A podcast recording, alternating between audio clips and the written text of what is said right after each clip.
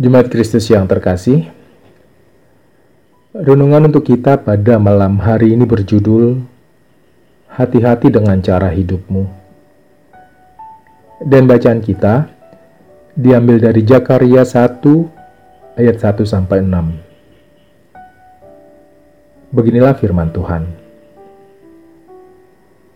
Dalam bulan yang ke-8 pada tahun kedua zaman Darius, Datanglah firman Tuhan kepada Nabi Zakaria bin Berekia bin Ido, bunyinya, Sangat murka Tuhan atas nenek moyangmu. Sebab itu, katakanlah kepada mereka, Beginilah firman Tuhan semesta alam.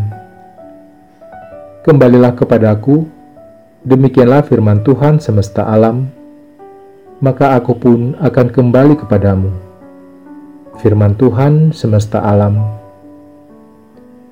Janganlah kamu seperti nenek moyangmu yang kepadanya para nabi yang dahulu telah menyerukan demikian. Beginilah firman Tuhan semesta alam. Berbaliklah dari tingkah lakumu yang buruk dan dari perbuatanmu yang jahat.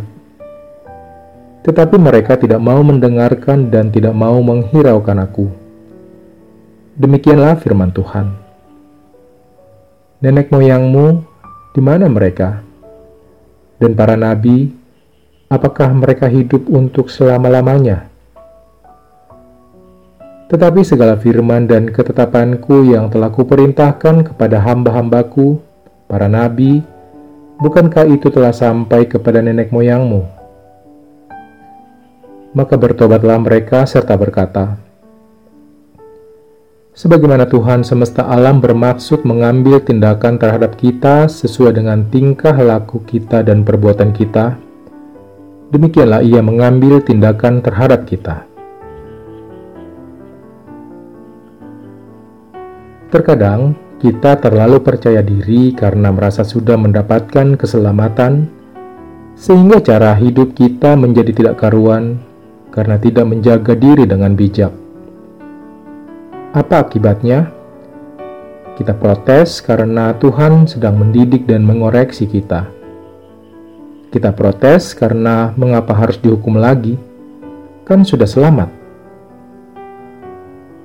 Apa yang dikatakan Nabi Zakaria semoga menjadi pengingat bagi kita bahwa Allah tidak suka dicurangi dan disepelekan. Mau bagaimanapun, Allah adalah Allah yang pencemburu Allah harus menjadi prioritas dan kita harus menempatkan Allah pada posisi yang utama dalam hidup kita. Dan ini dinyatakan melalui tindakan dan laku hidup kita sehari-hari. Oleh karena itu, mari mulai memperbaiki diri. Berangkatlah dari kesadaran bahwa keselamatan sudah kita terima, dan oleh karena itu, sudah selayaknya kita hidup seperti orang-orang yang sudah selamat yaitu menghargai hidup yang merupakan pemberian tersebut. Tapi, jangan juga menjalani hidup dalam ketakutan karena takut dihukum Tuhan. Jalani hidup dengan syukur dan kebijaksanaan, sehingga kita tetap dapat menjalani hidup dalam anugerah keselamatan dan sukacita. Waspadalah selalu Demikianlah renungan untuk malam ini. Semoga damai sejahtera dari Tuhan kita Yesus Kristus tetap memenuhi hati dan pikiran kita. Amin. Dan sekarang, marilah kita melipat tangan dan bersatu hati untuk menaikkan pokok-pokok doa yang ada dalam gerakan 221 GKI Sarwa Indah. Mari berdoa.